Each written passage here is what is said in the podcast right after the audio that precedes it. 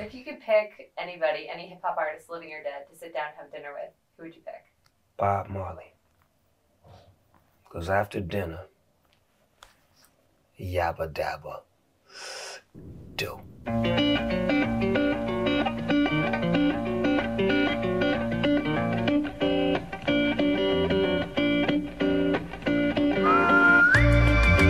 Já, já, já, velkomin í þennan þáttan Nei, ha, nú erum við heldur betur konur aftur og okkar árlega þátt.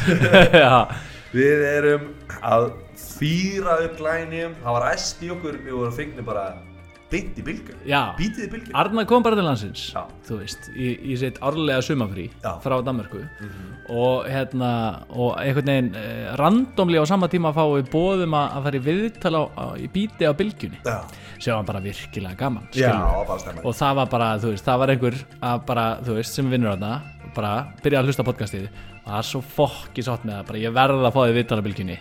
Þó að séu komnir sjö mánuð sem við gáum út þátt síðast. já.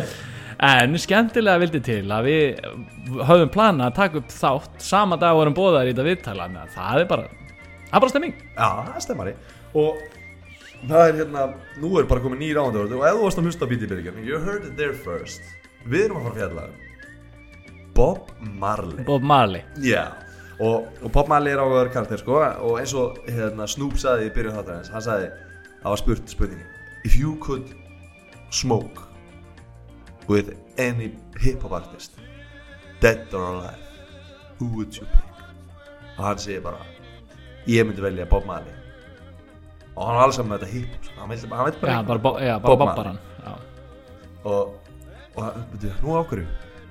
Þá segja við eh, because after dinner jabba dabba do. Já, og þessi þáttur er svolítið jabba dabba do sko. við Já. erum að fara að henda hérna í brakandi feska þátt sko. já, já, sko máli er það, það er einhvern veginn allir, alltaf brjálæðir sko, senda okkur skilabú á Instagraminu og ekki hætta því Nei, ekki hætta því. þetta. Þetta við- heldur okkur við efnið, og við sko. svörum einhvern veginn sent og illa sko, og, en, en málið er að sko, neihað þættir eru bara orðnir eins og demantar, eins og demantar það er bara time time and pressure, Eh, pressure. já, það er fakt, þetta er góð myndlík er það ekki? Það? Jú. og, og nú er komin nýr demantur hann er óslýpaður samt sko. óslýpaður við erum að fara að slípa við erum að núna. fara að slýpa núna í þættinum. Já. og ég segi bara intro ekki að vera mikið lengra en þetta. Nei, nei, við erum bara sáttir og hérna, við vindum okkur bara. Við vindum okkur bara, beinustu leiði þennan. Bara þáttan eiha beinaleið söður um höfun já. Til Jamaica man. Jamaica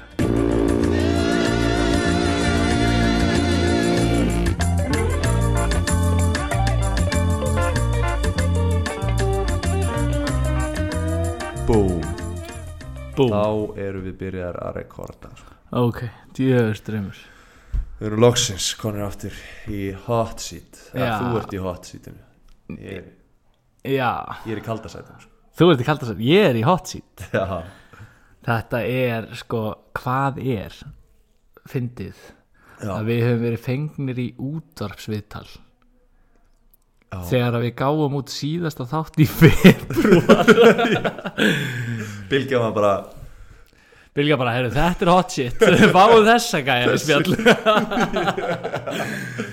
ah, Nei, en bara stemming, þú veist, ég var ekki sáttu með það. Ekki sérna vætna skilur ekki setna vætna skilur þú veist, það er gott seging sá kann allt sem býða kann. Já. og bói erum við búin að býða eftir því að einhvern annar hlusta á þetta rugl.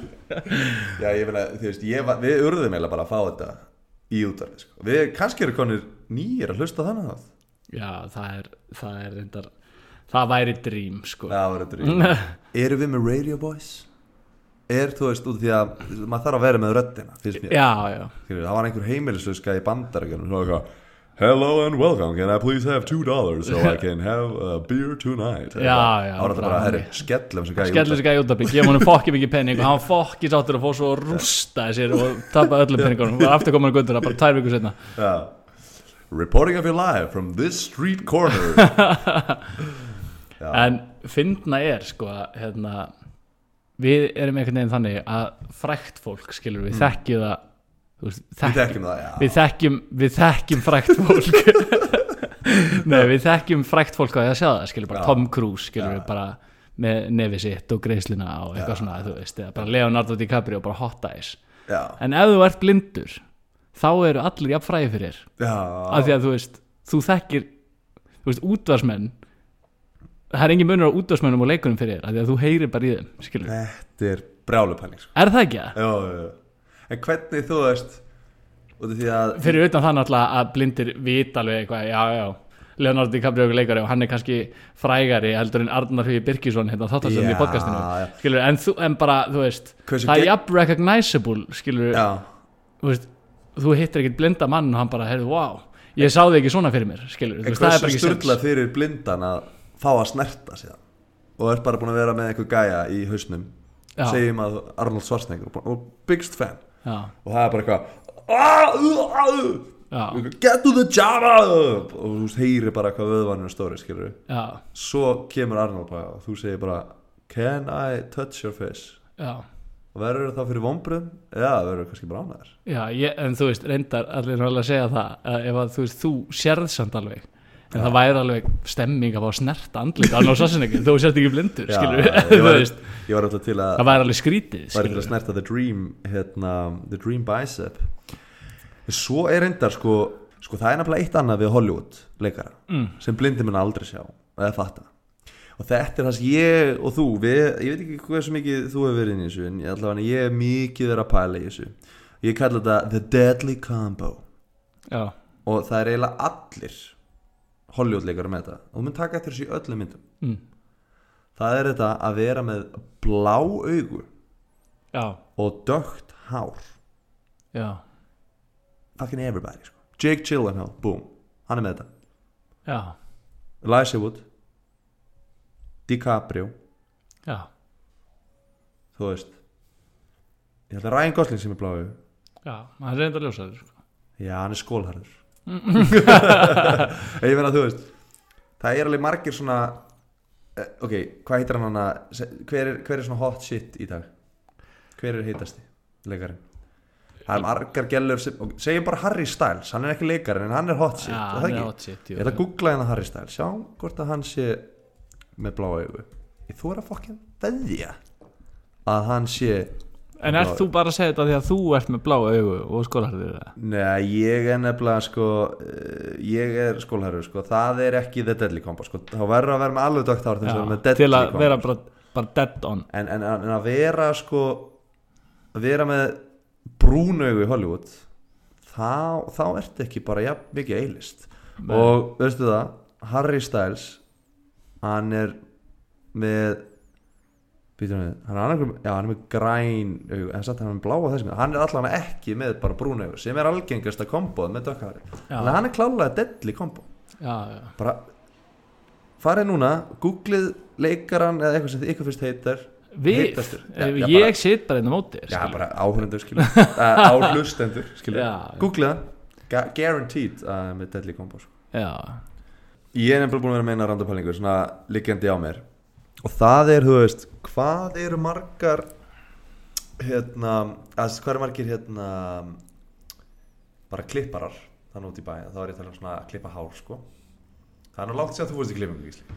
Ég, ég fór bara rétt fyrir Portugal. Já, þegar þú fyrir klippingu það er nú samt svona, þú veist, þú er svona, hérst því að þú myndir korki klippa hár þitt niður skegg bara Í langan tíma. í langan tíma, já, veist, fyrir að herin væri, bara NATO og herin burt, og við erum með þó í NATO þannig að þú ert bara komið fokki sítt skilur þannig að þú veist, þú ert mjög sítt hár og það er svona að þú kemur bara smá trimmi trim það er nú valla hægt að klúðra því Nei. eða hvað, Nei, er Eh, nei, nei, það er ekki þetta það er svo snýrta kantana og eitthvað svona. Ég er þú veist ennþá að fara í svona stuttaklippingar. Ég finn einhverja mynd af einhverjum gæi á netinu skilur sem er miklu myndalegri en ég. Já, með fullkomi hár. Mm. ég sé ég ætla að fá einn svona já, ég ætla að fá hérna, Harry Styles. Já, já, bara skilur að, hérna, ég ætla að fá bara þessa klippingu hérna, ungan Harry Style þegar hann var ennþá með Disney Channel skilur, Já, sem veit ég ekkert hvort það var það er ég bara að segja eitthvað skilur. já, en svo er ég kliftur skilur já. og hárklipparinn fokkar dæminu minu svo rójali upp að ég er bara að fara að gráta. Er bara halda inn tárunum skilur og þú veist að, þegar að taka hárblásara þá þá loka ég bara augunum til þess að draga djúpt andan skilur Já. og því að it just fucked my shit up. Já, og svo spyr klippari tekur hann að speilin sínir nakkan og ég hef líka, þú veist, ég bara séð nakka með ný kliftan. Ég, aldrei, ég er aldrei eitthvað svona að tjekka á hann þegar hann er í órið. Nei, þannig að ég bara, já, bara eins og alltaf, skilur bara ný kliftum nakki já, um, og svo segi ég bara þetta er bara flott ég þóra ekkert að segja að þetta sé ljót klipping. Nei. Og hef aldrei gert. Nei, Það er heldur ekki eins og að segja þetta strók út sko. Nei, nei, já, að ég er aðeins að klippa þetta lengra. Og ég, það klippa mig alltaf stittir en ég skilur. Já, já. ég er alltaf svona haldi í lengdina, haldi í lengdina. Og svo búið að klippa mig og þá er eitthvað svona, erum við með svo þygt hár. Já, ég ætla að koma með stittingaskæri já, nei, nei, ég meina þinningaskæri já Þá verður það bara eins og kífi Já, þá- svo er ég bara svo er ég komið kífi klippinguna skilur og þetta er bara flott skilur og fer svo, þú- hvað aldrei segir margir klippara núti sem er bara another great success skilur Já, bara confidence level way up there. Já, þú veist Nú veist þú alveg hvernig það er að skrolla á gramminu já, og eitthvað. já. og hversu oft er maður að fá eða þú veist, ég veit ekki ég- þú veist, kannski er ég með eitthvað mjög skrítin algoritma en ég er alltaf að fá eitthvað á reels já. eitthvað tyrki í klippingu skilur ok sem að þú veist, eru bara á okkur rakarastofu og þeir eru allir skilur rakaðir í einhvern svona línum Já. nánast eftir reglustikum þeir nota laser sko. Já, þeir nota leysera og svo er alltaf verið eitthvað að nota einhvern eld og eitthvað skilur já, já. en þú veist, það er enginn að fara að segja mér að þú lappir bara í rakastóri heyrðu, já, við erum reyndar, hérna, við erum með venlega skærin eða mystery box Já. þú getur fengið eldklippinguna fattar þið og þú veist, og lappar einhverjum inn og hugsaður, já ég ætla bara að fara í eldklippinguna Já. og halda að það verði success, Já. skilur, þú veist það getur ekki annað verið sko með fulla virðingu heldur en að þú komir úr eldklippingunni lyktandi eins og blöyt rotta skilur, af því að hárið þetta er allt búið að sviðna það er hitt raunverulega tyrkja rán það er þegar þú verður í tyrkjaski klippingu já, sko. þegar, þegar þú færð eldklippinguna í Tyrklandi skilur, veist, hvað, meinar þau? Íslendingar var bara af, flashback, sko. af hverju er þetta af hverju er þetta bóðstólum á hargriðstofu að fá erðu að fá tort sinn já, sko. ef ég væri í klífingu það var bara kveiki hára sko. þetta var búið fyrir mér sko. já, já, svo, þeir veist... koma eins og svona Playmobil kallin eh, já, já, það er einmitt nákvæmlega þannig sem þess að tyrkjaklippingar eru. Og þú veist og það er alltaf eitthvað svona þú veist, eitthvað svona dubstep laga undir eitthvað og þeir eru eitthvað svona raka alveg í svona beinar línur og svo bara eru búin að snúa þeim við og þeir eru bara svona Playmobil kallin en eldklippingin aftur á móti það er náttúrulega bara eins og það hafi kviknað í heima hjá þér og þú hafi verið að hlaupa út já, já, já. Og það er náttúrulega elska allir líkt þennan brendu hár. Blöytt brent hár. Blöytt brent hár er, er uh, lyktin af Istanbul einhvern veginn shit sko og bara sjáta þetta á alla tyrki sko. já, já, elskum ég, ég, bara, ég elska það sko þau eru algjöru mistarar Já. en bara það sem ég er að segja er sko, þú veist stundum þarf ekkert að vera eitthvað gríðarlega mikið on the menu skilur nei, nei, nei. þú veist, þú, þetta er bara hárgræslustofa þú þarft ekki að bjóða upp á eldin Nei, Skilurðu? nei, nei, nei. Já, ég fór eins og í klippingu og þá fór ég í svona sko uh, það var svona þyrklippingu, þá fekk maður viski og vindil sko. Og, og hérna, og maður fekk líka sko eldin og þá var verið að sko brenna svona vifta, svona veifa svona eld í eyrunum manni. Já, maður heyrði bara eldin og já, já, já, það er verið að svíða hárin inn í eyrun í já, já. Sem allir vita er meinholt. Já, það er alveg það er alveg meinholt að svíða eyrnahárin sko. Jöðlega er gott að vera komin aftur að klagan Mér langar líka að segja hennar sögu, ég hef nú búin að nefna þessu sögu við Mér langar að við rínum aðeins í þessu sögu. Já, Svo að sagan þess að þannig að kærasta bróðum minns var þjóðtíð Vestmannin sem verður aftur í ár. Já. Draumur fyrir því eigamannin Draumur, draumur, draumur fyrir mig. Þetta er búið að vera löng, langur vetur. Hvernig það bara það? Já.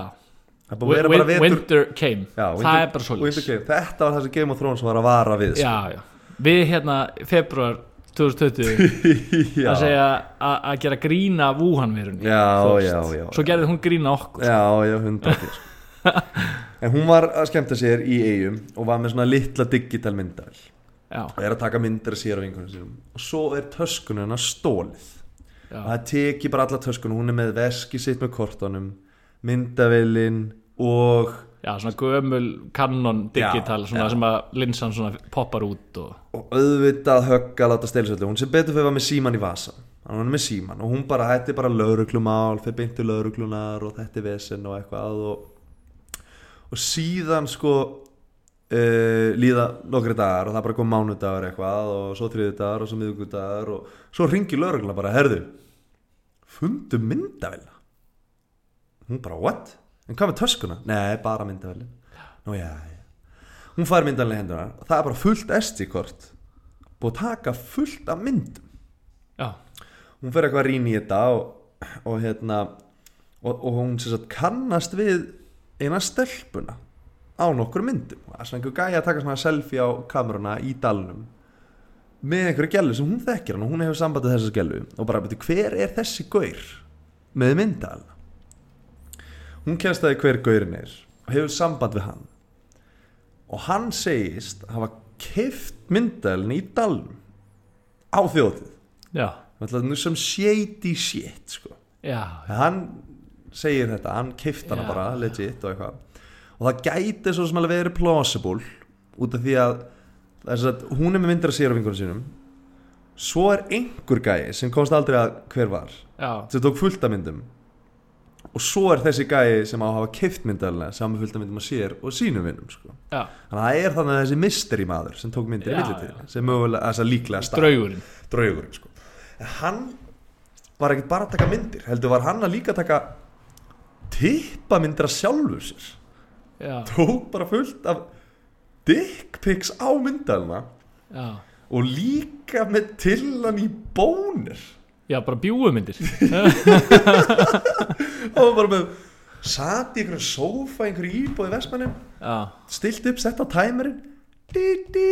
di, hljóp skilur í bónurinnum já, og tók bónurmyndir já ekki, hann var ekki að þú veist, Nei. í bónarnum að taka niður Nei, gamla, þú veist, bara nei, nei, já, nei, Tillinn og tærnar. Já, til þú ternar Nei, þetta sjónarháttu sem alltaf margar konur í Íslandi þekkja. Já, tillinn og og- Við erum að tala um, þú veist Já, bara bara, bara, bara þrífótur Já. Þá er ég að tala um hann, skilur, undir já, Og þú veist, stiltu upp Tíu sekundar tæmir Og hann fór og stilti sér upp í bónar. Bara með þrútara. Já, og tók einhverja geggja skrítna tippmyndir svona súmaði inn á, Á, til. Á kongin bara ákvæmki bara með svona eh, bara að tjekka bara, það er súmlins að þessari vel bara zzzt, zzzt, zzzt. Tók alvöru margar tilamyndir já, og segjum svo að sagans sönn að hann, gaurinn hinn hafi ekki bara stólið henni að funda henni eitthvað. Já. hann hafi kift myndalina já, þá hefur þessi óprútna aðli já, síðan selt myndalina já til að þjóðurinn. til að þjórin án þess að eyða myndunum. Já, já, já, já, já. hvaða brjálaðingur var þetta? Sko, þetta ég, sko, ég veit alveg hvað ert að hugsa. Þú ert að hugsa af hverju myndi maður ekki eyða myndunum? Skilur, það er það sem þú ert að hugsa. Formatakortið og svo selja. Já, en þetta snýst allt um að auka verðmæti myndar. Ég að þú veist þetta var sem Erðu, ég er hérna með glæsilega hérna Canon X5 hérna digital handheld myndar 15 áskall. Hún er bara 10 áskall virði. Bítu, bítu, bítu Ég ætti að sína þér restikort og ég meina pæl Do I have a surprise for you, my friend? Þessi gæi er búin að vera in the dick pic game for a long time sko. þetta er gæi sem var að senda e-mail.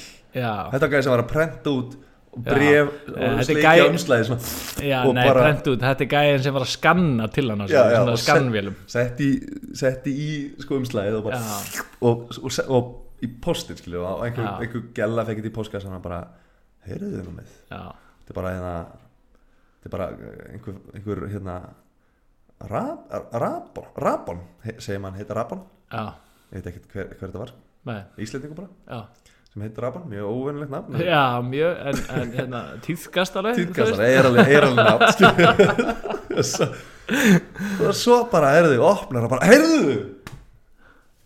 Fjórar tilamyndir Já, I, I got fucked. Ja, ein, ein með tæmurnum ein með eitthvað. En sko, þú veist þannig að það sé að hreinu.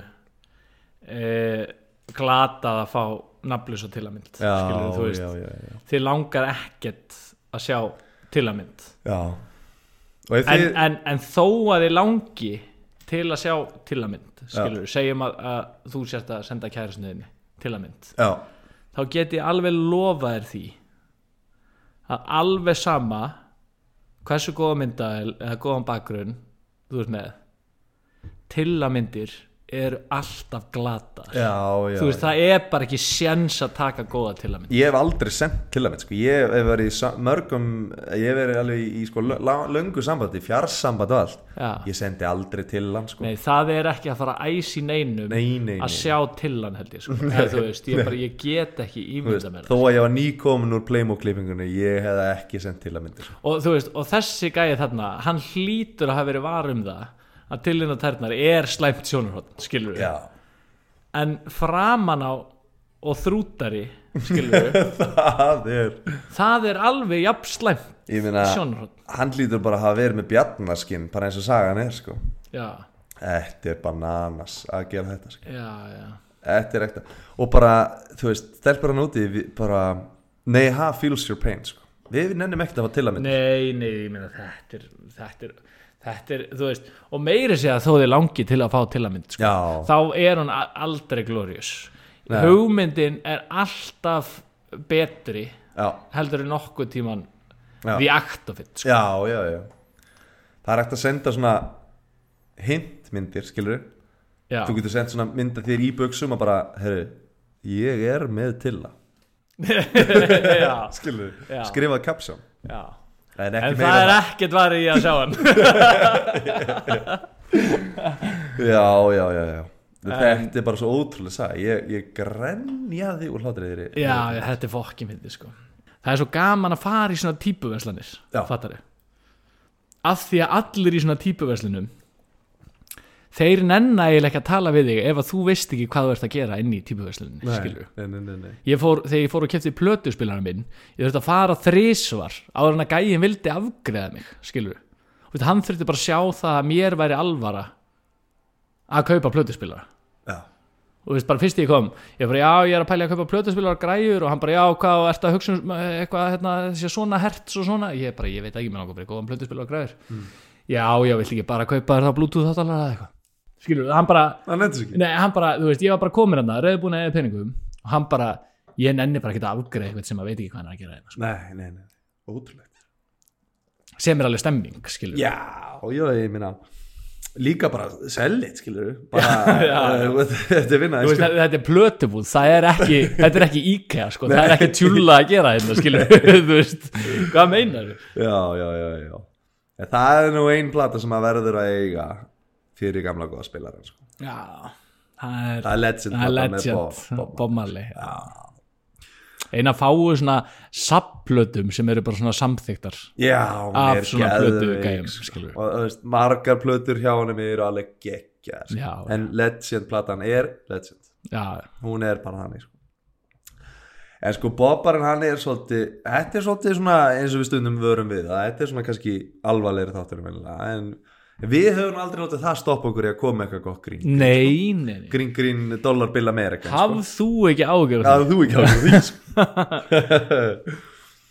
En sko Bob er nefnilega sko Robert Malley eins og hann heitir nú. Já, Hann nefnilega sko fæðist og margir vita í Jamaica. Já. Og, og fyrir þann sem er að hlusta sem er frá Jamaica bara, ég ætla bara að vara þið við núna. Það verða mjög ofta ég mun reyna að tala með Jamaican. Jamaica the Jamaican accent. Og það mun mishefnast every time. Já, já, en það er bara stemning eins og þegar þú tókst bubba í útvarpinni Já, það hljóma alls ekki eins og bubbi kannski já. bubbi með mjög mikið já, kvef bara smámæltur og Já, það, það, það, það, er samt að en reyna. það er sko, já, það er viljinn sem skiptir máli. Já, já. hann fættist náttúrulega í Jamaica og, og það sem kannski fólk veit ekki en þegar hann fættist þá var náttúrulega Jamaica ekki sjálfstælland heldur bresk nýlenda. Já, og já það, og bara hálf karabískafið já, einmitt. Og það er mikilvægt því að sko pappi Bob Marley hann var breyti, hvítur breyti Já. Og mammans var svört. Já, þannig að hérna og, og ma, þess að pappin hétt Norvel Marley. Og hann var 60 ára gamall. Þegar hann byrjaði með mömmu Bob Marley sem hétt Sedella Booker. Og hún var bara 18 ára gamall sko. já. Þannig að strax þar eru við komið með eitthvað svona skrítið svona Fjölskyldu kolonialism, uh, valdaspil eitthvað Já, og, já, og hann hérna hann vann við að vera svona estate overseer já, hann var svona búgars sjónar Þetta er einhvern veginn bara allt sem að var að á þessum tíma. Já, já, hann er þarna á hesti að fara þarna um og sjá um búgarinn og svo er eitthvað vinnufólk skilur uh, nú ekki tala um, um þrælhald þarna sko. Þetta er sjálfstætt fólk sko. En, en, en samt sk- klassaskiptin eru það mikil að óréttlætið er nú eila bara jafn mikið sko. Mm. og, og hérna um, þannig að þú veist smá skakt svona samband frá byrjun en þetta er nú samt ekki sko hann giftist Sedella Já, þannig að þetta er Bob Marley er engin bastardur sko. nei hann fæðist inn í hjónaband mm. og, og hérna en pappin var sko, hann var svona mikið bara með breytunum og, og, og var ekkert mikið heima og mamman var bara svolítið að sjá um þetta sko. og, og hérna hefur aldrei mikið samband og sinni fjölskyldinu mjög, mjög illa. Svo kemur hann með afsökun á, af hverju hann þarf að beila á fjölskyldulífinu. Mm. af hverju hann getur ekki unnið hann út á landi í Jamaica. Mm. og ætla bara að beila allir fjölskyldinni hann sagði nefnilega að hann gati ekki verið á hestbaki lengur og það var með komið svo hryllilega gillinæð. Hann, hann bara Já, hann já bara pa- gamla- pa- pabbinn pappin, hann með svo hann sat eða bara á svona skopparabolta allan daginn. Þannig að gillinæðin hans var orðin svo slæm að hann þurfti að hætta á hestbaki já, og, og flytur Hann er ekki átt hýling eða? Nei, hann er ekki átt hann var ekki til krem á þessum tíma. Fyrir það sem var að hjá þessum manni. Hann er alltaf öðruglega margt annað að hjá þessu gæja. En hann var bara með þú veist. Muni ekki þegar maður var svona bolta, svona íþróttabolta sem krakki kanínubolta, hélt svona hann var á þeim pakka ofan á hesti á hverjum degi sko. Já, já, samkvæmt heimildum sko. Og beilar bara á fjölskyldu til Kingston. Já, mamman einn eftir að reyna að ná endur saman og það gengur illa. Já. Og var Bobbarinn fættur þarna? Já, Bobbarinn er fættur og, og er að reyna að hafa saman pappan pappin beila bara, kemur gamla, þú veist, sumir eru með afsökunna herru, ég ætla að fara að kaupa síkur tilbaka og fyrir út í búð og kemur aldrei eftir Já. Eða, ég ætla, ég ætla, ef hann reykir ekki Já, þá bara sækja rúgbrauð. Já, rúbröð, að vanta mjólk. Já, að hann kom bara með I have hemorrhoids. Já, ég er bara með svo gríðarlega gynnilega Ég verði að fara til Kingston. Og bara vera að beila. En, en það var nú samt sko það leistur ekki máli því að þau flytja líka til Kingsland og, og pappin vil ekki um fjölskyldan að hafa. Og þau flytja í lítinn bæ eða svona, kannski hann var að segja frekar hlutabæsins sem heitir Trenchtown Já, og Bob Marley elst upp í í Trenchtown Trenchtown sko. in that government yard in Trenchtown. Já, já, já, já, og hann hafði gillinað pappa sinns að þakka að hann flutti já. í það og þar er allt á yði sko. þar er bara tónlist og, og glæpir Já, og, og, bara veggjakrót og menning og já, menn Já, voru að króta og rottur og, já, já, já, það var allir pakkin þar. Þannig að þannig byrjar hérna líf Bob sko. Og hann er eitthvað svona að reyna að fóta sig og hann ákveður mjög snemma að bara ég ætla að vera tónlistamæður bara strax sem ungu strákur. Mm. ætla að fara í tónlist. Já. Með mjög hardcore markmið og, Já. og hann er mjög metna Hann var búin að læra það, ef þú væri búkasegjandi þá færðu gillinu Hann er alltaf að forðast það Já, fórast það ég ætla ekki að sitja á hesti og enda bara á skoparaboltanum ég ætla að fara áfram sko. Já, í eitthvað meira, eitthvað betra, eitthvað starra ekki starra en gillina, hún risa sko. eitthvað, svona, svona hugrænt betra já, já, já. en, en hérna eða, þannig að hann nær loksins að, að hérna, hitta þannig tónlistaframleganda í Trenchtown og þessum tíma þú veist, þá voru bara fátæki strákar í slömminu. Þeir voru raun bara svona að fá bara auðra pennies on the dollar fyrir að syngja fyrir einhverju gauðra sem hýrtu síðan allt niður sko. og hann byrjar sinn feril á því að, að hérna að bara kofra lög og aðla frá bandringin já, þannig að Bob Marley var að, að hérna, syngja lög eins og What's New Pussycat með Tom Jones? Og, og, og Sugar Sugar du, du, du, du, du, du. ó, honey, honey. Ég er svo búin að reyna að sjá þetta fyrir mér hvernig bara hefur verið þessu lög. Já, hans, hans útgáð hann hefur bara verið ok, þetta er, þetta er mitt impersonation. First fail of the show. Bob Marley að syngja What's New Pussycat með Tom Jones á Jamaican. Með Jamaican frame já, þannig að hann var einhvern megin.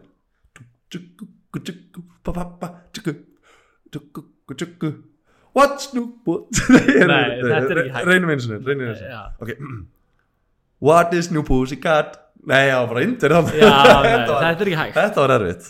Hann var einhver starf hann einhver starf á milli einhver starf á milli fyrsta og nummer tvö. Þannig að hann er byrjaði bóðbarinn að, að st- stíga sem fyrstu skref já, það var að covera eh, popsmelli já, þetta var fyrsta þetta var fyrsta svona intro saga sko. Já, svo náttúrulega verður hann stór sko. hann er að alast upp með all er það að meina stór eða sinn bara fullorðin eða stór Já, tónlistamæður? hann var, segjum, hann, hann byrjaði að vera stór en hann var samt alveg svona hann hittir þarna Wailer bræðurna The Wailers já, The Wailers Já, sætla minninga þegar við dansum berfættir á Sigurd Solstis Já. Og, og, og hérna og svo líka um, og svo hittir hann hérna uh, nokkra aðra strákar sem voru heldur góður tónlistamenn en Wailers sérstaklega eftirminnilegir. Og hérna og þarna, þú veist, í Jamaica á þessum tíma það eru tveir svona pólitíski kraftar. Þeir, þú veist, á einum, einum megin ertu með kapitalistana og svo hinni hliðin ertu með sósælistana og, og þú veist, hverju svona polit, political party þá er hérna þá er sko hvert political party með svona Don sem kemur frá Don Corleone. Já, svona mafjukongur já, já.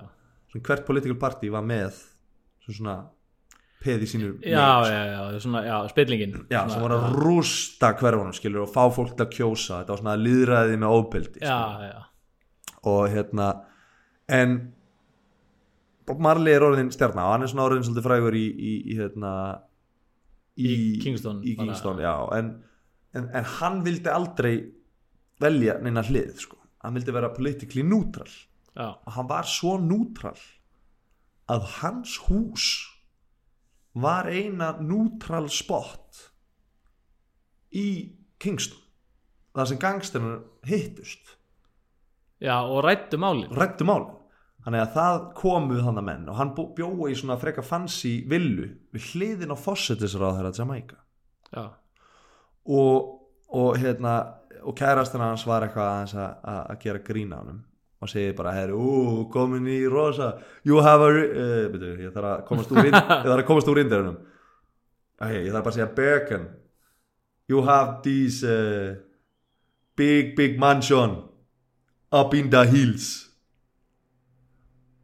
you must be becoming a little bit posh þá svarar hann bara no, no, no, no I'm not escaping the ghetto sko. I'm bringing the ghetto up down já þannig að hann var að færa ghetto Lætin. já, hann var að færa lætin upp skilju. hann vildi í raun fá fátakafólkið Já, og, og fá það upp já, og mingla við allt ríka fólkið sko. já, reyna að fá connectionið, reyna Já. að blanda hópunum já, já, já, og þannig að hann er þarna bara uppi í Fílabins turninu sinni Já, og þar eru bara þú veist, hellaði karakter sko. þú veist, erum að tala um bara vopnaðir bílar og eitthvað. Og, og hann er þannig bara smúkin the ganja eitur slagur og fórsetisraðar hann er já, hann veit ekki, hann heyri bara tjúk, tjúk, jabba dabba dú. Já og hérna, þannig að hann í raun sko færir gettóið upp í upptown og, og breytir öllu svona social hierarchy í Jamaica Já, já, á, á þessum tíma sko. en hann var, hann var náttúrulega byltingar sinni sko. já, veist, og, og það, það er þessi stefna og þessi tónlistan sko. þetta er bara hann var mjög mikið hann var mjög pólitískur, bara neutrally sko. hann var meira bara svona stop the oppression free the working man sko. já, já, en ef við færum okkur yfir í svona eitthvað aðeins eða svona meiri svona sögu sko. að hann lifir nú frekar hóflegu líf sko.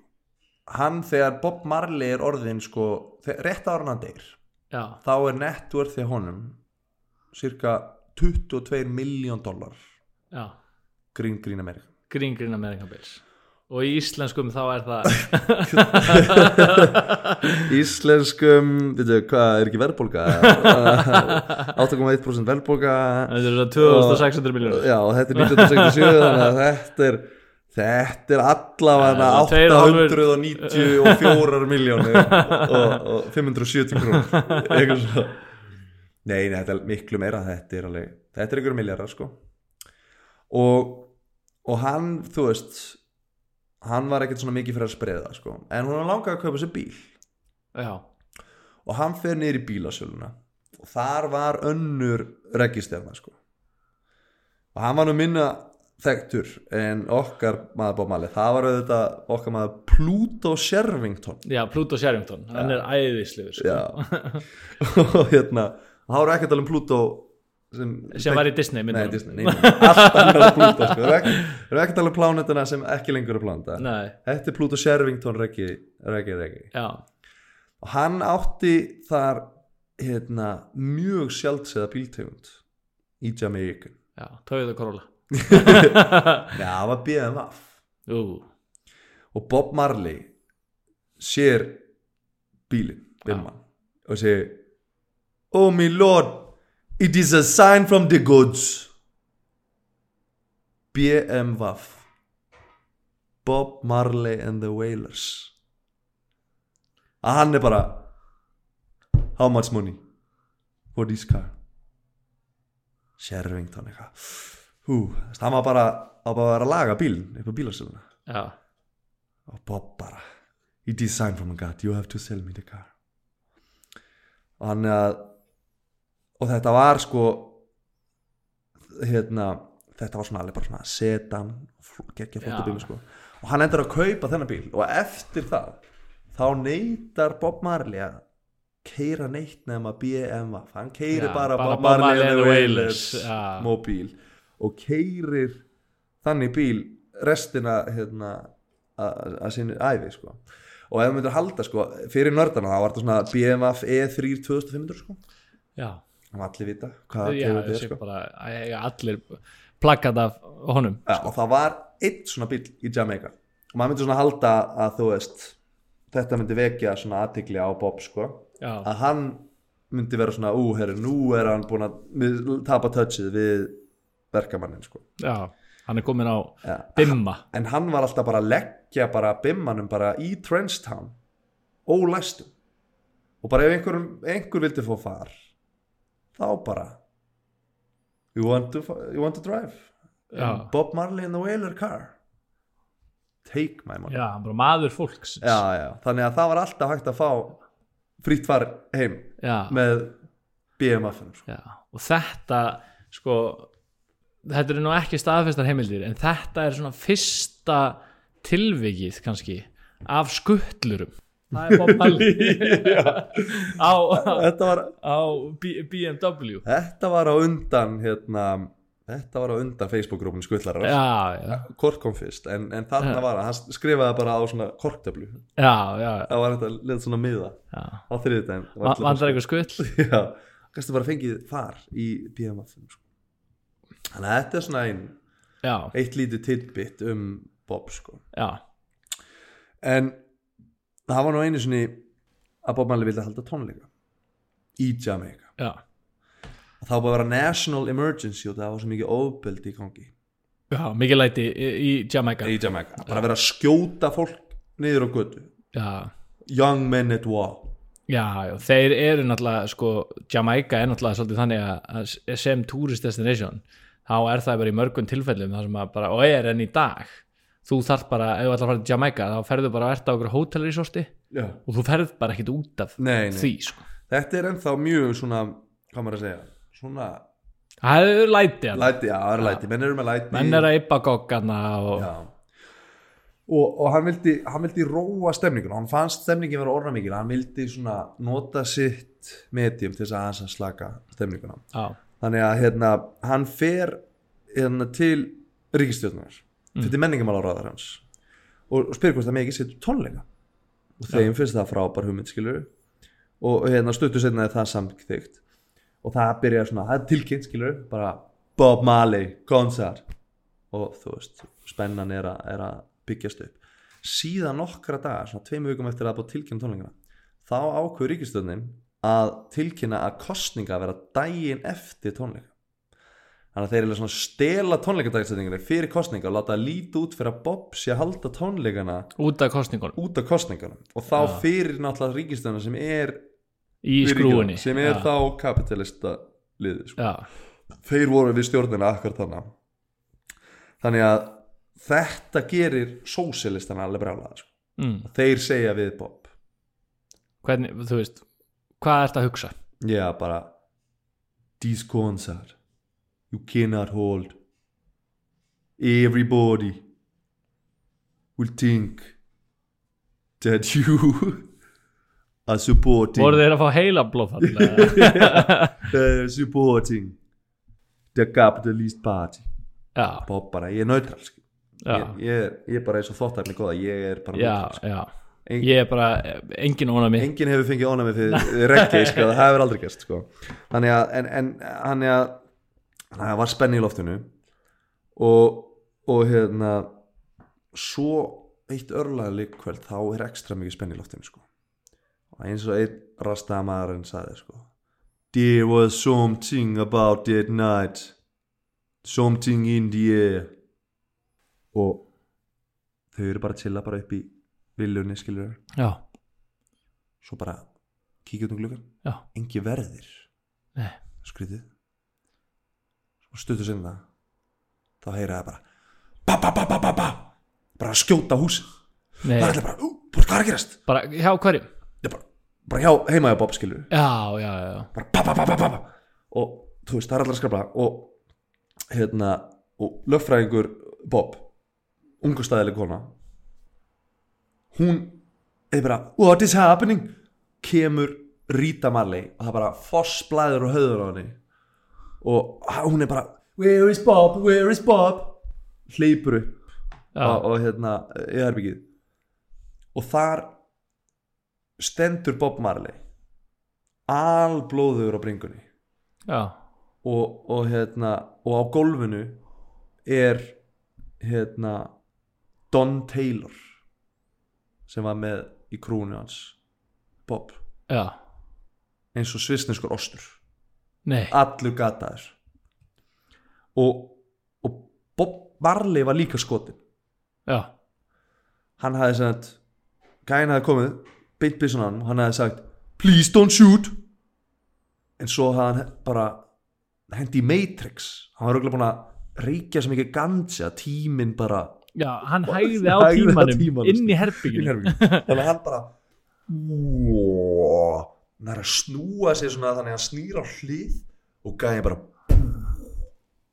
og bara kúlunar eins og bara í neó skilur já, bara, þú sér bara bylgjurnar á þeim. allavega sá Bob það Hann sá. Bob sá bylgjuna skilur hann er kúla hann bara að hægja tímanum. Af ráða tíma hann snýr sig svona og og nú og svo bara kúlan rennur þvert yfir bringunum. Nei, og gerir svona ör þvert yfir. Já, þvert yfir, hann er bara með svona lín þannig að við erum að tala um bara svona kúlan fór millimeter eða tvo inn, Inn í bringuna hans en bara þvert yfir húðina. Gerir Já. bara svona línu já, og lendir síðan í handlegnum hann já, bara tvo daga fyrir tónleika. tónleikana. Og, og þú veist, það fyrir allt í háa loft og ég meina Don Taylor er bara að berjast fyrir lífu sinu á spítalanum og Rita Marley líka veist, en, hva, en hvað var gaurinn? The Shooter Horfði. Hann gufa bara upp guða bara nei, Nei eða var allir á freðinu til þess að fatta Já. veist eitthvað, ég meina hann allavega ef Bobbarinn var uh, á ganja þá var hingæin á spýtti sko, því Hann var bokkisnöggur. Þau koma inn í herbyggið, sjá hann bara á gólfinu Don Taylor, bara skotin já, í klassu. Og- og Bob það er bara Bob bara Og það er bara reykur einhvern veginn Bara, þú veist. Bob er bara með kúlu í hendinni. Og tónleikar eftir og hún fannst að vera svikin bara af Jamaica. Já, hérna var fólki búið að snúa skegg Bob Marley Já, hann er nautra, það vita það allir. Hans hús er nautra, það vita það allir já, hér er búið að svíkja okkar mann Bob Marley Og maðkur í missunni. Og hann hann vill ekkert halda tónleikana skilur og Rita Marley sem var útskrifuð sama dag. Don Taylor barðist nokkra daga fyrir lífi sinu en liðið sem betur fyrir Já, Rita Marley, hún grátbyði Bob með ekki að halda tónleikana allt og hættur sko. búið að reyna að drepa hann einu sinni. Ekkert mál að drepa hann, hann stendur upp á sviði bara easy target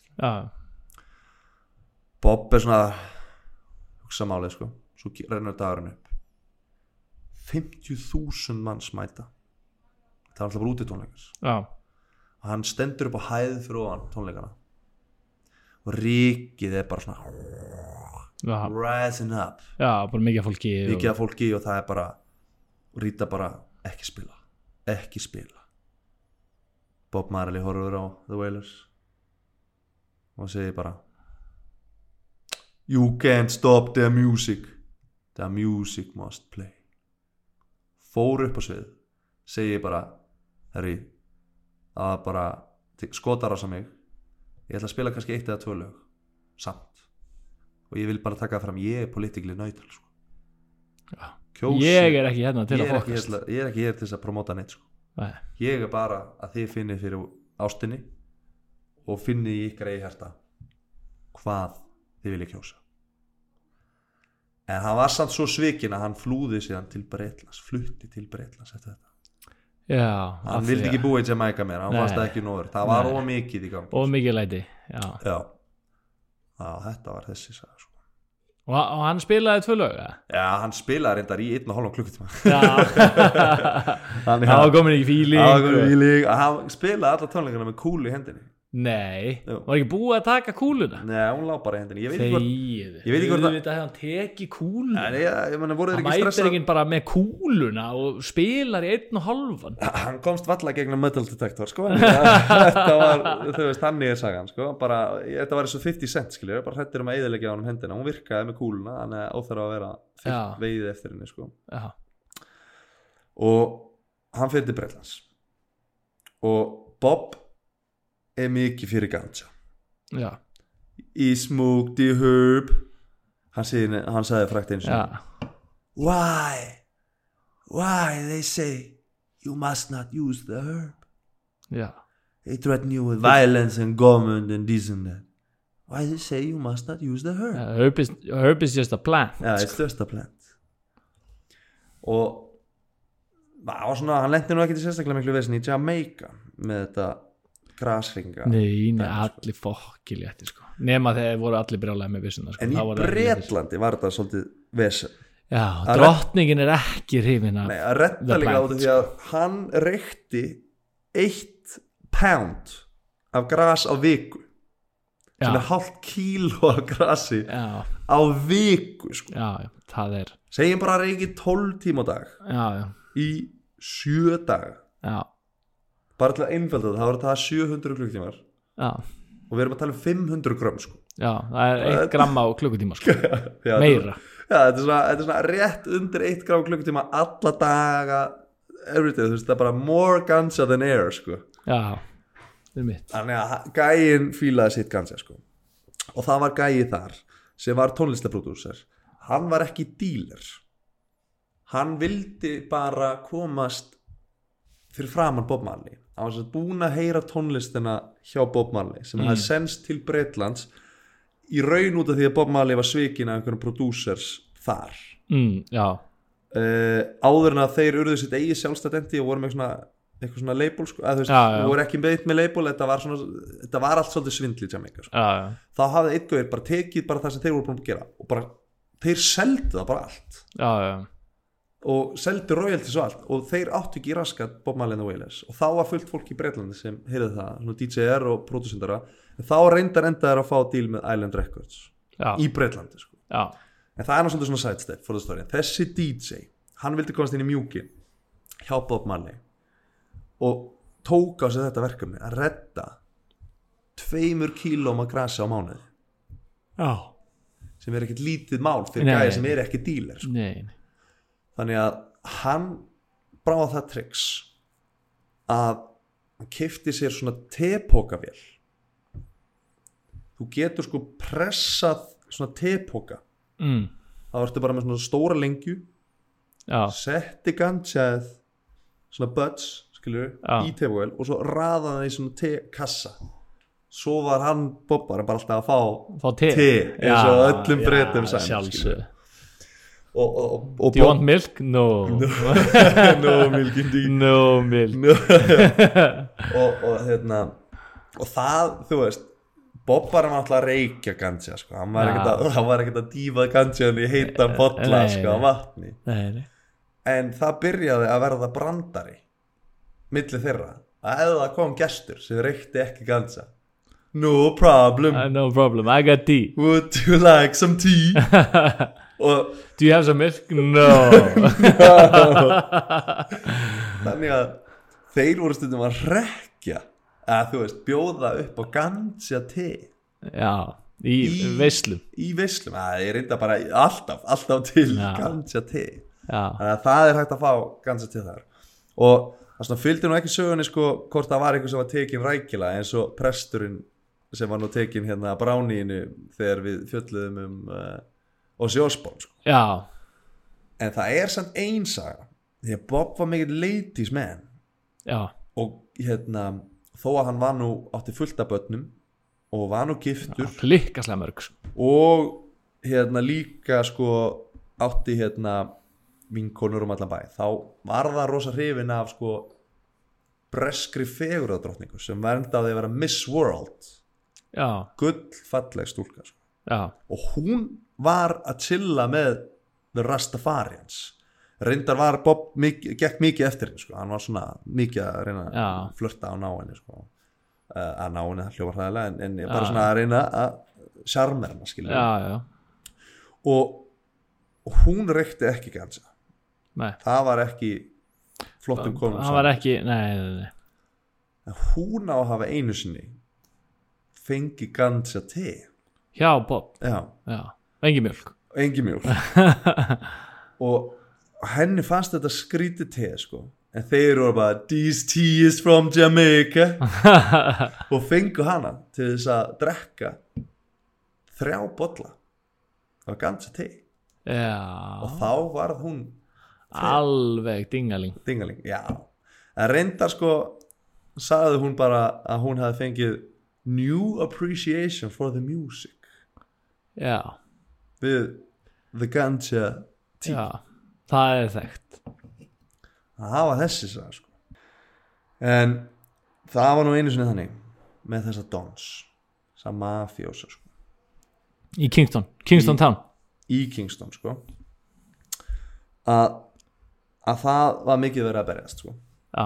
Síðan lenda báðir donnan, donnarinnir bara köllum það sko, donnarinnir voru bara eitthvað að krúsa um skilur og síðan voru þið bara handteknir um leið skilur og báðir settir í stein. Ú beint í jailið? Beint í jailið. Já, og þar enda þeir á að hérna vera settir hlið við hlið í fangilsu já, óvinnir. Já, og það er bara blóðir og Tom og Jenny já, já, já, þeir heita nefnilega Claude og Becky sem var Jamaica Tom Haley það er fullt af teiknumyndum, alltaf að skjóta en það var sko alveg blóðugt stríðmillir þeir hötu hvernig, sko. en þeir voru í 11 mánuði í jailinu saman. Já, þá föttu þeir spjöldum mikið saman. Þeir við erum bara peð já, í þessum pólitíska leik sem aðallin er að spila já, við erum bara að hella blóðun okkar hérna og já, og til þess að viðhalda einhver systemi sem er fókt sko. þannig að þegar þeir koma út þá er ákveðið að halda vopnallið sko. á milli gengjana og þeir vilja loksins koma frið á Jamaica sko. þeir kom úr steininum bara ég bóða yfir mikið fagnuð já. Þurfa allir að hætta að skilmast. En þeir geti raun ekki sko sjálfstætt fengi friðin þeir þurfa profit. Þeir þurfa friða ták og það kemur bara einn maður til greina Bob Marley. Já, þeir fljúa báða til London saman donnarnir og, og hérna og grát byggja Bob Marley um að koma tilbaka. Og Bob Marley vil ekki koma tilbaka hún finnst allt og hættulegt ástand í Jamaica til þess að hann þori að snúa aftur sko. hann er of mikið target. Já. og hérna þannig að fokki sáttu bara eh, á Piccadilly Circus bara með Já, ganja til til og, og fegur á drottninguna hann bældi hvað hann var léttur. léttur. Og, en þeir, þeir náðu samfæran og hann segir ok við skulum gera og það var auðvitað með tónleikum. Já, skýrum tónleikana The One Love Concert. Mm. og hérna og var í rauninni kallaði sko fullanamnið The One Love Peace Concert. Mm. þannig bara haldið crazy hátir skilur og það er bara One Love One Love. Það er allir bara svo hamingsamir öll gengin er bara mingla og allt securityð var Já. gengin að koma saman að vakta svæðið. Já, þannig að þannig er alvörinu bara svona að leggja allir vopni niður. Já, koma saman, saminast yfir Bob Marley. Já. Og það er bara snittur og pulsur og já, mokkar já, og og, barbecue eins og Jamaica Já, þeir, eru góðir með barbecue. góð. þú er borðað á Jamaican já, barbecue. rips, fucking góð sko. Bestu sem ég smaka sko. þeir kunna þetta þar sko. Og en hérna en hann lætur sér satt ekki það vera nóg að bara svona halda góð tónleika sem guttu líðurinn er að skemmta sér. Hann segir Is Michael Manley in the house? Það er ka hérna kapitalista kongurinn já, fórsetis ráðherran og þú veist það er bara eins og Ronald Reagan Jamaica sko. já, svo spyr hann hérna hvort að sem sagt gæðin sem er yfir sósialistar hérna. og hann hétt cliffhanger, er þetta framhaldsþáttur? já, hann hétt hérna sósialist sósialistsson já, og hérna einhvers staðar stendur ég, hann hétt Sega. Hann var Sega á mannleg og hérna segir is Sega in the house? Það getur vel verið ég sé búin að svissa þessi tíma að Sega verið kapitalistinn á manni en það skiptir það skiptir ekki öllu. Þetta voru toppanir tveir. Þetta var eins og að það væri með Gorbachev einum einn og Reagan hinn við að tala um kallt stríð sem búið að vera í áratugi. Þessi gaurar eru allir búin að vera sama herbergi. Það er búið að hella svo miklu blóði. Það er búið að vera bara borgarstyrjöld í Jamaica í mörg ár. Og Spyr, hann er hann mættur bara í bara höfða. Reykjavík. Já, já, hann er bara höfðanum já, Gorbachev og Reagan. Og hann segir bara it in the house. Og þá bara spotlight bara vum, finna þá í krátinu. Já, og þeir mæti upp á svið. Og Bob segir bara we meet in peace and unity. Og tekur lóan á þeim saman og fletti fingur á þess að tóku þeirra já, og heldur þá svona upp fyrir höfðu sér og segir let's make peace. Þetta er svona eins og að ef fundurinn vilja Reagan og Gorbachev að það hefði bara verið Jóns í svörtum fötum skilur já. sem er, allir vita er okkar Bob Marley. Já, já, Já, hefði bara svona verið að halda tónleika bara í hörpunni. Og þeir hefði bara verið að chilla, bara að horfa tónleikana. En því að koma bara upp á svið og bara taka hverjum leiðast já, og þeir leiðast bara í heilt lag og þá er þetta sungið. Og Jamaica, þú veist, þau sjá bara hitlingu já bara Bob Marley er bara búinn að leysa, leysa þetta. Bara hún láta að leiðast. borgarstýrildurinn búin já, en það var náttúrulega ekki búið að bara strax strýta en já, eftir bara allir sko en ég meina, og það átti reyna þetta skilur já, já, en, en þetta er samt alveg þú veist svona var Bob sko. Já. Bara var hérna, hann vildi bara frið og ró. Já, vildi bara að þú veist henda í eitthvað gott jóndi sko. já, en svo dó því mér Marley hann dó. Já, og það fara margar kenningar og sögur að svona, hann dó svolítið mysteriously þannig já sko. fullt af myths. Já. Og það er alls konar kenningar sem ganga um þú veist the leading story er að hann fekk krabba minn og dó. Já, um, og ég heyrði nú þegar ég var yngri að hann hefði reykt svo mikið gamlan mokka já, að hann hefði fengið blíeitrun já. og dáið að því Já, ég man eftir að hafa heyrt að hann hefði verið berfættur að spila fótbolta og stigja á glerbrót og fengi blóðið til dáðu því. já, Fullt að sögum. já. en það er vist ekki þannig sko hann fekk vist tásukrabba minn Já. hann fekk krabba minn í tanna Já, og, og hérna hann held fyrst að þetta væri fótboltamensl sem er örgulega það sem það urban myth kemur sko. já, en það greiri bara aldrei.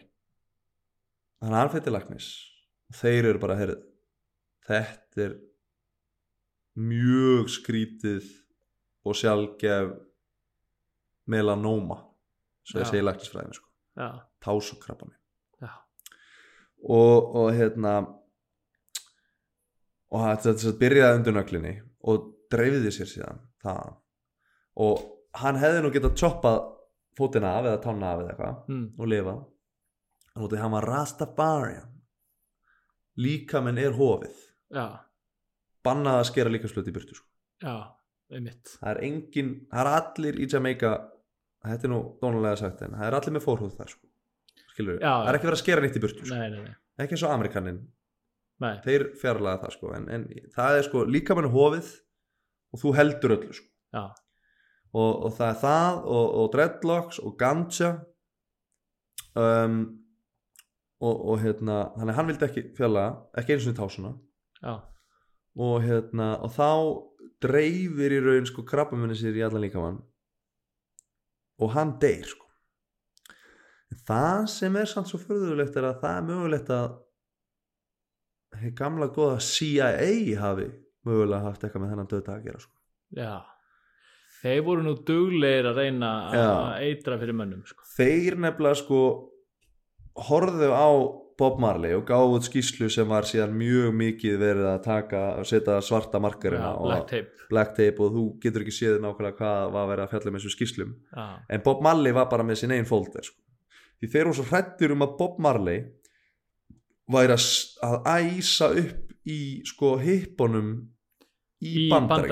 Já, því þar var rosaleg borgarhreyfing í gangi sko. það sem bara, þú veist, Vietnam stríðir í gangi skilur já, Krítins klírótur er á æfulegur að semja lag. Og það er allir að æsast svo er bara Bob Marley bara Steer it up eða Já, já, Get up, stand up. Það er enginn að sitja í bandaríkjum sko. allir eru að og öskrandi, allir Já. svona CIA hugsar við þurfum að Lækka rostan í honum. Já, þannig að þeir byrja á því að orkestrita þess að skotárás að það er raun gangsterar sko frá CIA CIA?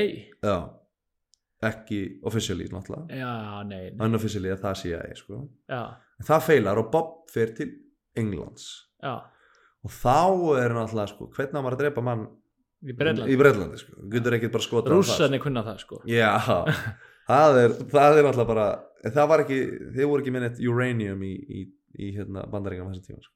Jú, þeir voru alltaf með það en, en, en það er allavega sko, þú, það, var, það þurfti að vera sko, upp úr þessu til þess að hann er ekki martýr og það er allt brjála það þyrfti í raun að koma döða sem engin grunaði að bandaríska ríkistöðni væri með puttan í sko. nei, þannig að þeir eiga að hafa sendt ljósmyndara til Bob Marley með nýja feska skó. Hlaupaskó eða fótboltaskó. Mm, og inn í skónum þar var lítil nál með tásukrabba minni á.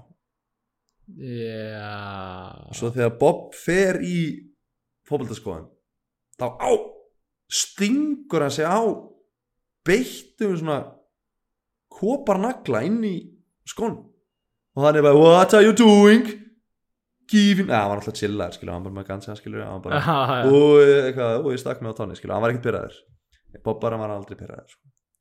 en en síðan sko upp á þessu að færa hann tásukrabba minn sem dreifis þetta líka á hann og hann deyr og einhver CIA operative Bill Oxley á síðan hafa játa á dánapiðinu en hann hafði eitthvað með þetta tásukrabba minn að gera Já, ok.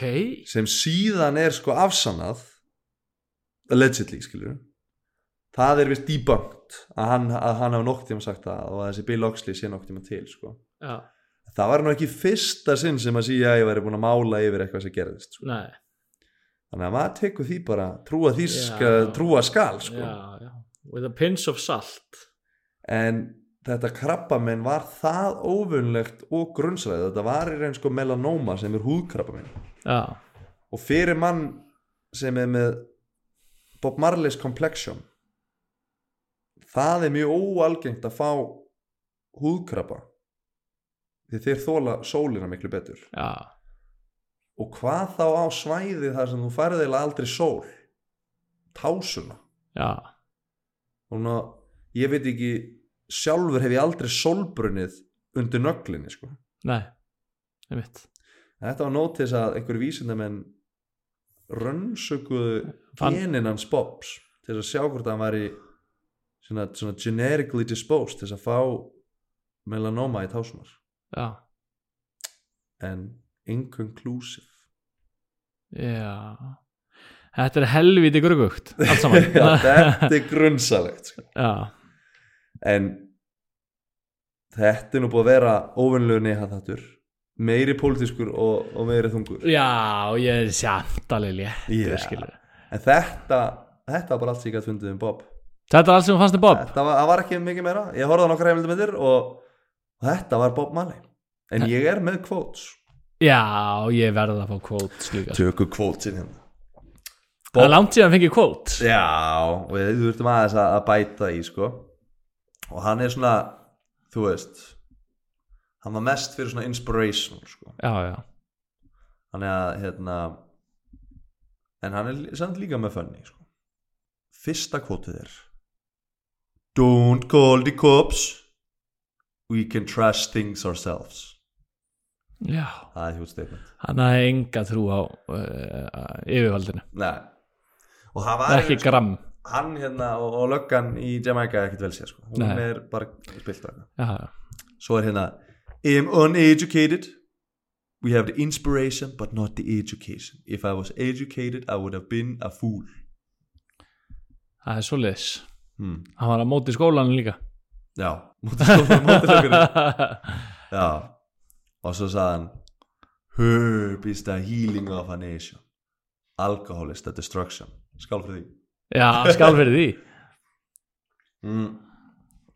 Og svo sagði hann hérna Open your eyes. Look within. Are you satisfied with the life you're living? Ú. Ég er bara að fara að gráta. Já. Og svo næst sensta kvotið Já, Og það er ekki allir sem vita að þetta sé kvot eftir bómanni Þetta er mjög frækt sko. Já, just do it Já, það er eitthvað Nei, hann var með Live, Laugh, Love. Nei. Sem allar sem að allar mæður eiga á, svona, veggnum, á, á svona veðurum tréplata upp á vegg. Það er Bob Marley. Nei, Jú. Nei. Já, það er Bob Marley sko. Og svo segir hann The good times of today are the sad things of tomorrow Og ég veit ekkert hvað það þýðir sko. Já, já, hann er bara að tala um þinguna Já, þetta voru kvotin Þannig að við skulum bara byrja þar. Já, Er eitthvað þetta sem sker sig úr? Það er svoleiðis það er eitt fokk eftir þig. Djöfell, þú ert að reyna að veiða mig í svo mikla gildurum með þetta lifla flof kjátaði Já, Ég ætla ekki að falla í þessa Það var svona löggan. Já, Inspiration, not education. Já, Svo var það bara hérna uh, Herb is the healing, alcohol is the destruction. Svo live, laugh, love. Og svo good times uh, of today are the sad thoughts of tomorrow. Já. Ég sko, ég held þú sérst að reyna að fela þetta í obviousness sko, með þetta live, love, love. Og svo læður inn hérna herb is the healing og alcohol is destruction. Já.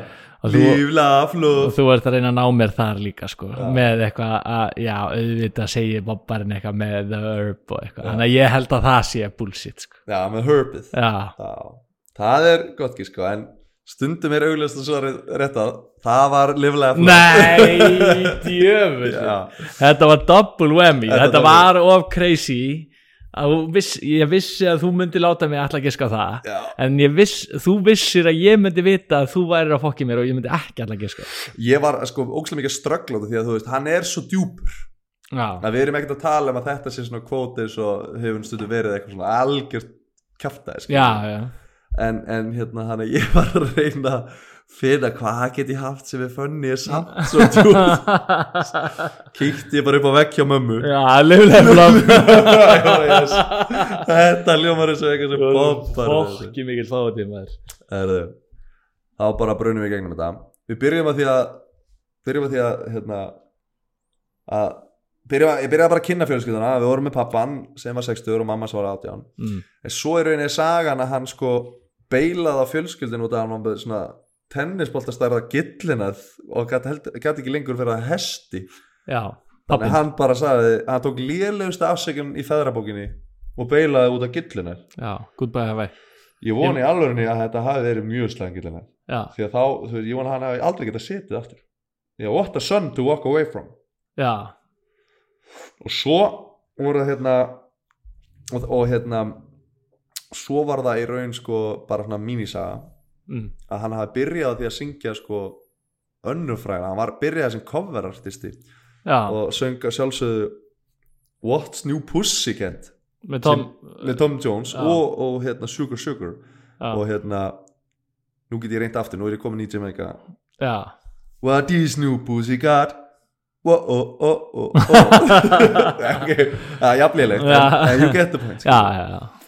Um, og síðan var það í raun að hann sko færði heilt ghetto í fínasta hverfi Jamaica Já, bara tók allt verstaliðið, bara glæmum menn á alla þeir gætt alltaf hist í húsuna hans. Já, og það það gerði bara, hann var bara með þar svakalæti Já. og fossetisráðar var alltaf mýgandi hrættur á hliðalínu því að þar voru bara alveg glæminu Já, svo var það að hérna að Bob Marley kerði ekkert nema BMF já, út af það stóð fyrir Bob Marley and the Wailers. Já. Og hann keifti þarna af öðrum öðrum góðum hérna, Reggae reggae-artista þar sem hann var að sjá bíl til viðgerðar og varð bara að fá þeir Bob Marley and Wailer móbíl og keifti eina bimman í Jamaica. Já, og held sér síðan bara við það brand restin af henni. Skipti aldrei frá BMF svo var það að hérna hafa gert morðtilraun á hann. Hann var skotin í bringuna og kúlan endaði hendinni. Já, en hann var búinn að reykja svo mikið ganja hann gæti bara matrixa sig úr því þeirri klemmu. Og, og, hérna, og endaði síðan að halda tónleika þrátt fyrir að það var nýbúið að drepa hann. Með kúlun í hendinni. Ég mitt What a bullshit. Já, og svo var það að hérna, var ég, fór ég aðeins inn á hans grasringa hennar hefðir. Og þá var það að DJ í Breitlandi var reynda að koma sér mjúkin á Bob Marley með því að supplya grasi fyrir hann. Í tepókum? í, gerði það í tepókum til þess að geta betur faliða frá bresku lögreglunni. Verið að minna suspicious. Já, því það var ekki það suspicious að Bob var að fá te í hverju viku. Það var suspicious ef hann var að fá bara teipaðan pakka. Já, bara brúnan pappakassa ómertan. Og hann var alltaf bara að fá Lipton bara Já, tepoka og, og sem auka sögða því þá var í raun engin tekin nema hérna feguradrottningin hérna sem var kærast að Bob Marley hún fekk sér herbal tea eins og maður segja, eða grænt te eins og sumur mig eiga já, kalla það. já, byggði alltaf grænti og núna ef ég fæði mig grænt te þá mun ég alltaf vera svona stressaðar að keira Do you have green tea? Yes Do you have milk? No og svo voru það sagt að hérna að donnarinn hittust í fangelsi og ákveða að búa til friðar hérna ceremony Já, og, og, hérna, og þeir heldur One Love tónleikana þar sem hann reif bara tvo grimmustu pólitíska annað. saman og leta haldast í hendur fyrir framann alla þjóðana já, og þetta var huge fyrir Jamaica sko. þó að þú veist fríður hafi ekki komið þá var þetta samt svona nú slöku við á óbildin sko. óbildin var það slæmt að þú veist það var bara að vera kveikja heilum hverfum og svo þegar slökkuliði mætti að vera slökka það var bara að skjóta slökkuliði mm. Það var hræðrættast svo var vera að tala um sko döiða Bob Marley og það var alls konar kenninga þar sem allir hafa heyrt en í raun er sko rétt að sagan að CIA hafi geðað hún fótboltaskó með tásugrapa minni. Og þannig hafa hann dáið. Já, einmitt. Þú starir inn í sáluna mína. Já, þú ert að reyna. Ég er að reyna þetta upp úr sálinu þér. Og svo það var ekki meira en það í þetta sinn Nei Sko, eins og oft áður Arnar við, já, þá sit ég hérna í hot seat eins og já. og þú ert núna búin að uh, bladra hérna eitthvað alls konar bull en það eru svona tvær já. sem að eru helviti sveitar já. í þessu line-upi Mm. Annars vegar er það sagan um BMF-in. Bob Marley and the Wailers. Bob Marley and the Wailers hann hafi hitt þarna einhvern annan reggi kong á Mm. Bimma. Já, séð BM þau alltaf og hugsa Bob Marley and the Wailers og hafi svo stopnað fyrstu skuttlaragrúpuna í Kingston. Já. þetta er, þetta er helvíti sveitt sko. Já, ég verð að segja það sko hann er að reyna að ná mér með að hann hafi verið alþýðumadur Já. svo eh, finnst mér það að hann hafi verið byrja ferilin sinn á að syngja What's New Pussycat með Tom Jones já. grjót haltu kæftu með það skilur mér þetta var alveg vel sungið skilur en ég sé það bara ekki fyrir mér að Bob Marley með sitt tónlistarskinn skilur Mm. Hafi verið bara ég þarf að hendi kofurlög ég ætla að velja sjögar sjögar já, sammála því Já. Bob Marley myndi velja sjögar sjögar Sjöga, sjöga Du, du, Tjúk, du, tjúk, du. tjúk, tjúk. Já. Þú veist en What's New Pussycat með Tom Jones is giving it away sko. Já, og mögulega fylgir ekki sögni það er kannski líka It's not unusual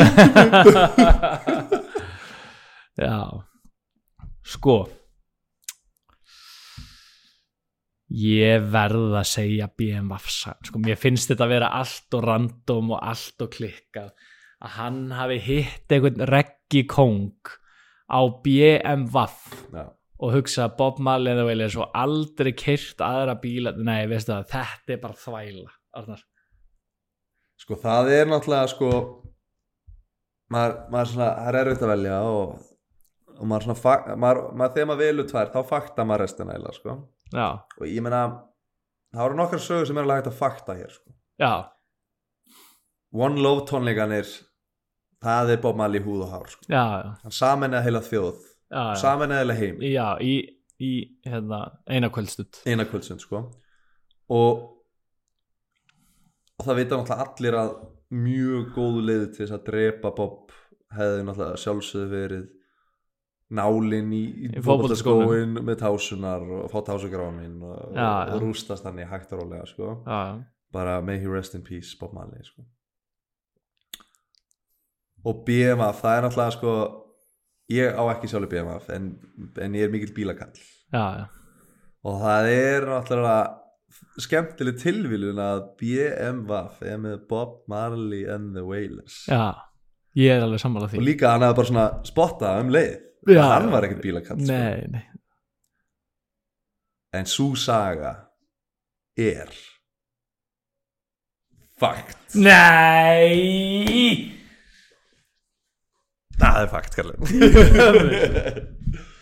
ég var alveg vissu ég væri múin að þér hana Já.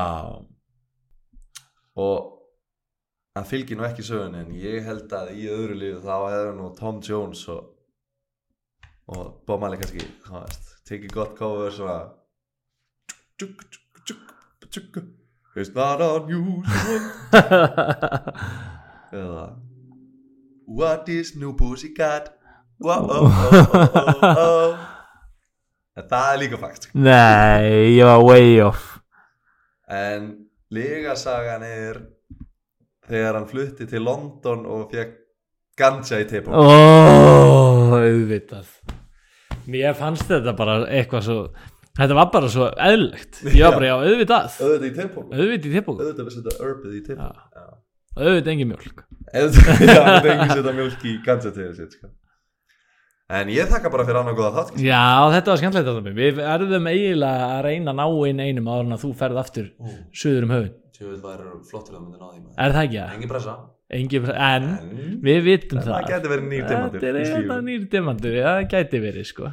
Já. Time and pressure, aldrei nema við setjum hann í hérna hraðsöðbót auka þrýstingin Instant Já.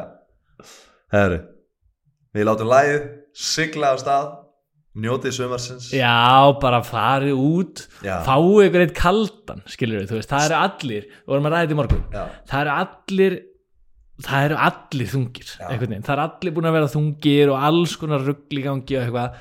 Það er bara um að gera þeir eru búin að hlusta á gott komedi fara bara út í sólina gefa eina fimmu eitthvað Já. sem þekkir ekki Get up, stand up. Up, stand up, sérðu eitthvað bara, herðu, Steer it up. ég ætla bara að gefa þér eina fimmu hérna Já. og farðu og fáðu þér bara kaldan er skilurðu. bara three little birds. Já, Fáðu te. Fáðu, fáðu þér grænt te. Og enga mjölk enga mjölk